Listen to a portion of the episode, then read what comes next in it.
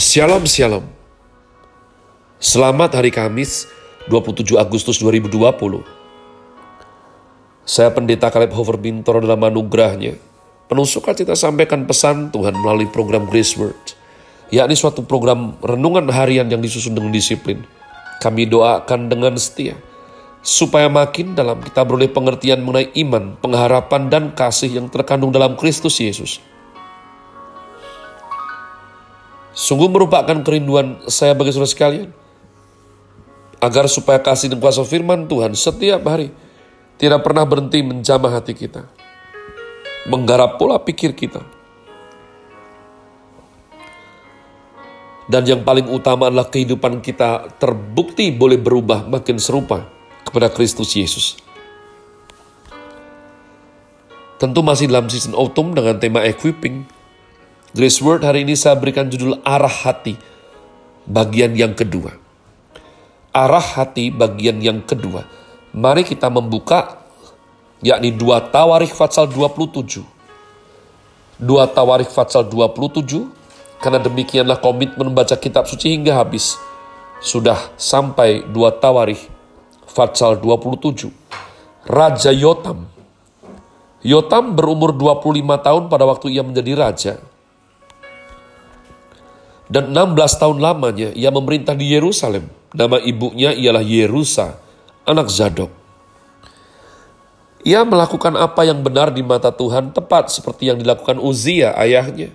Hanya ia tidak memasuki bait Tuhan. Tetapi rakyat masih saja melakukan hal yang merusak.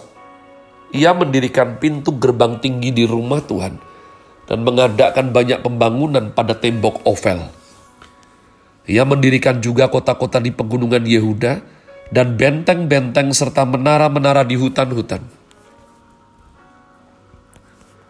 Ia berperang melawan Raja Bani Amon dan mengalahkannya. Sehingga pada tahun itu juga Bani Amon membayar kepadanya 100 talenta perak. 10 ribu kor gandum dan 10 ribu kor jelai. Juga pada tahun kedua dan ketiga, Bani Amon membawa upeti itu kepadanya Yotam menjadi kuat karena ia mengarahkan hidupnya kepada Tuhan Allahnya. Selebihnya dari riwayat Yotam, segala peperangan dan tingkah langkahnya sesungguhnya semuanya itu tertulis dalam kitab Raja-Raja Israel dan Yehuda. Ia berumur 25 tahun pada waktu ia menjadi raja dan 16 tahun lamanya ia memerintah di Yerusalem. Kemudian Yotam mendapat perhentian bersama-sama nenek moyangnya, dan ia dikuburkan di kota Daud. Maka Ahas anaknya menjadi raja menggantikan dia. Umat Tuhan, lihatlah.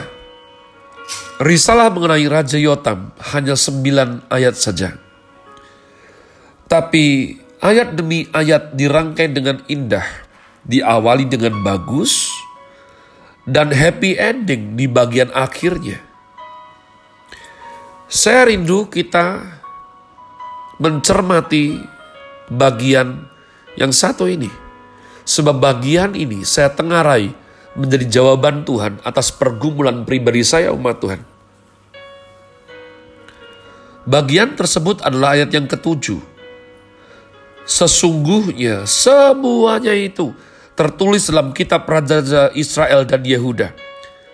Apa yang tertulis? Riwayat Yotam segala peperangan, segala tingkah langkahnya tertulis dalam kitab Raja-Raja Israel dan Yehuda. Nah, saudaraku kalau engkau membaca satu tawari, dua tawari, satu raja-raja, dua raja-raja, kita akan secara berkala setiap kali seorang raja itu mangkat dan sebelum digantikan oleh raja setelahnya, pasti ada tertulis, ya, maka riwayat Raja Uzia tertulis dalam kitab Raja-Raja Israel dan Yehuda.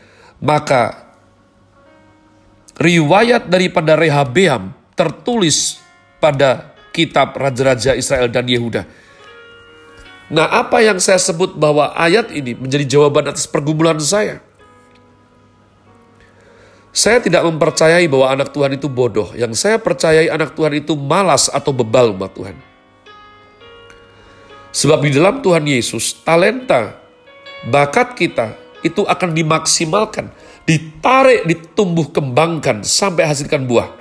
Sebab Tuhan sudah tetapkan hanya melalui buah tersebut nama Bapa di surga dipermuliakan. Jadi bayangkan, seorang raja baru yang tidak mengerti apa pun. Saya percaya pasti ada ritual mempersiapkan raja. Entah di awal, entah di belakang. Entah dia raja dari kecil atau karena ada suatu revolusi, lalu dia diangkat menjadi raja. Pasti dia akan ada waktunya. Diminta untuk membaca kitab sejarah raja-raja Israel dan Yehuda. Nah inilah yang buat saya itu menjadi jawaban Sebelum saudara tahu jawaban apa, jawaban selalu adalah timbul dari pertanyaan. Kita cari jawaban karena ada pertanyaan. Bukan ya seperti guru sebab kita tahu jawaban baru kita bikin soalnya. Dalam prinsip kausatif umat Tuhan, sesungguhnya yang muncul adalah pertanyaan terlebih dahulu. Sehingga kita berdoa, berjuang, berusaha cari jawabannya.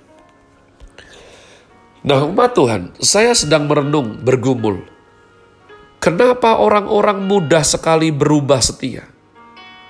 Kenapa seolah-olah semua hal baik, entah itu yang dibikin oleh Tuhan. Saya heran. Dulu berkata bahwa semua dari Tuhan. Dulu berkata bahwa kalau bukan Tuhan, hidupnya sudah hancur. Kalau bukan Tuhan, dia pasti sudah mati dari dulu kala. Tapi sampai titik tertentu, bisa-bisanya tidak melayani Tuhan. Sampai titik tertentu, bisa-bisanya tidak gereja berbulan-bulan bahkan hampir setahun. Bahkan ada orang-orang tertentu yang sudah tidak bergereja lima tahun lebih, umat Tuhan. Kapan hati mereka geser? Kapan arah hati mereka tidak kepada Tuhan? Bagaimana mungkin bisa melupakan semua kesaksian yang meluncur keluar dari mulut mereka sendiri? Betapa baiknya Tuhan itu. Lalu saya juga melihat banyak sekali kasus di mana orang-orang ditolong oleh orang baik dan lupa. Tidak hanya lupa, ya berbalik menjadi musuhnya, mengatakan sesuatu yang buruk kepada orang-orang yang pernah dipakai Tuhan untuk menolong memberkati kehidupan dia. Masih segar di angan saya. Saya memikirkan pribadi A, B, C, D. Bagaimana mungkin dia bisa berubah sejahat itu? Bagaimana mungkin dia bisa selicik itu. Bagaimana mungkin dia bisa selupa itu? Maka umat Tuhan, sesungguhnya saya percaya itu bukan lupa. Tanpa roh yang sayang Tuhan, roh yang takut akan Tuhan, manusia pasti tidak mungkin tidak. Dalam hal ini saya berani bilang pasti. Antroposentris yakni kehidupan yang berpusat pada egonya sendiri. Dan hal ini ya bias sekali. Kebenaran belum tentu menjadi dasar hidupnya. Dia akan hidup dengan perasaannya sampai suatu hari egonya mengambil alih seluruh kendali. Dan saudara tahu, ketika ego dibiarkan memimpin, dia akan singkirkan kebenaran. Dia akan singkirkan Tuhan dia akan singkirkan firman dan menjadikan diri sendiri sebagai patokan terhadap semua tolak ukur yang matanya melihat, telinganya mendengar. Jadi diberkatilah Yotam. Ia mengarahkan hidupnya kepada Tuhan Allahnya. Saya percaya pada waktu Yotam membaca kitab sejarah Raja Israel dan Yehuda Ya, saya sendiri tidak berani takabur umat Tuhan. Ini kalau tidak dibaca, kalau dibaca betul-betul, bukankah dengan sederhana kita bisa melihat semua yang sayang Tuhan, semua yang arah hatinya kepada Tuhan, dibela Tuhan, berkemenangan dan diberkati. Dan semua yang kurang ajar sama Tuhan itu pasti berakhir dengan mengenaskan. Saya tidak berani takabur bilang, kalau aku, aku pasti. Saya tidak berani. Sekarang saya makin mengerti bahwa semuanya ini anugerah Tuhan.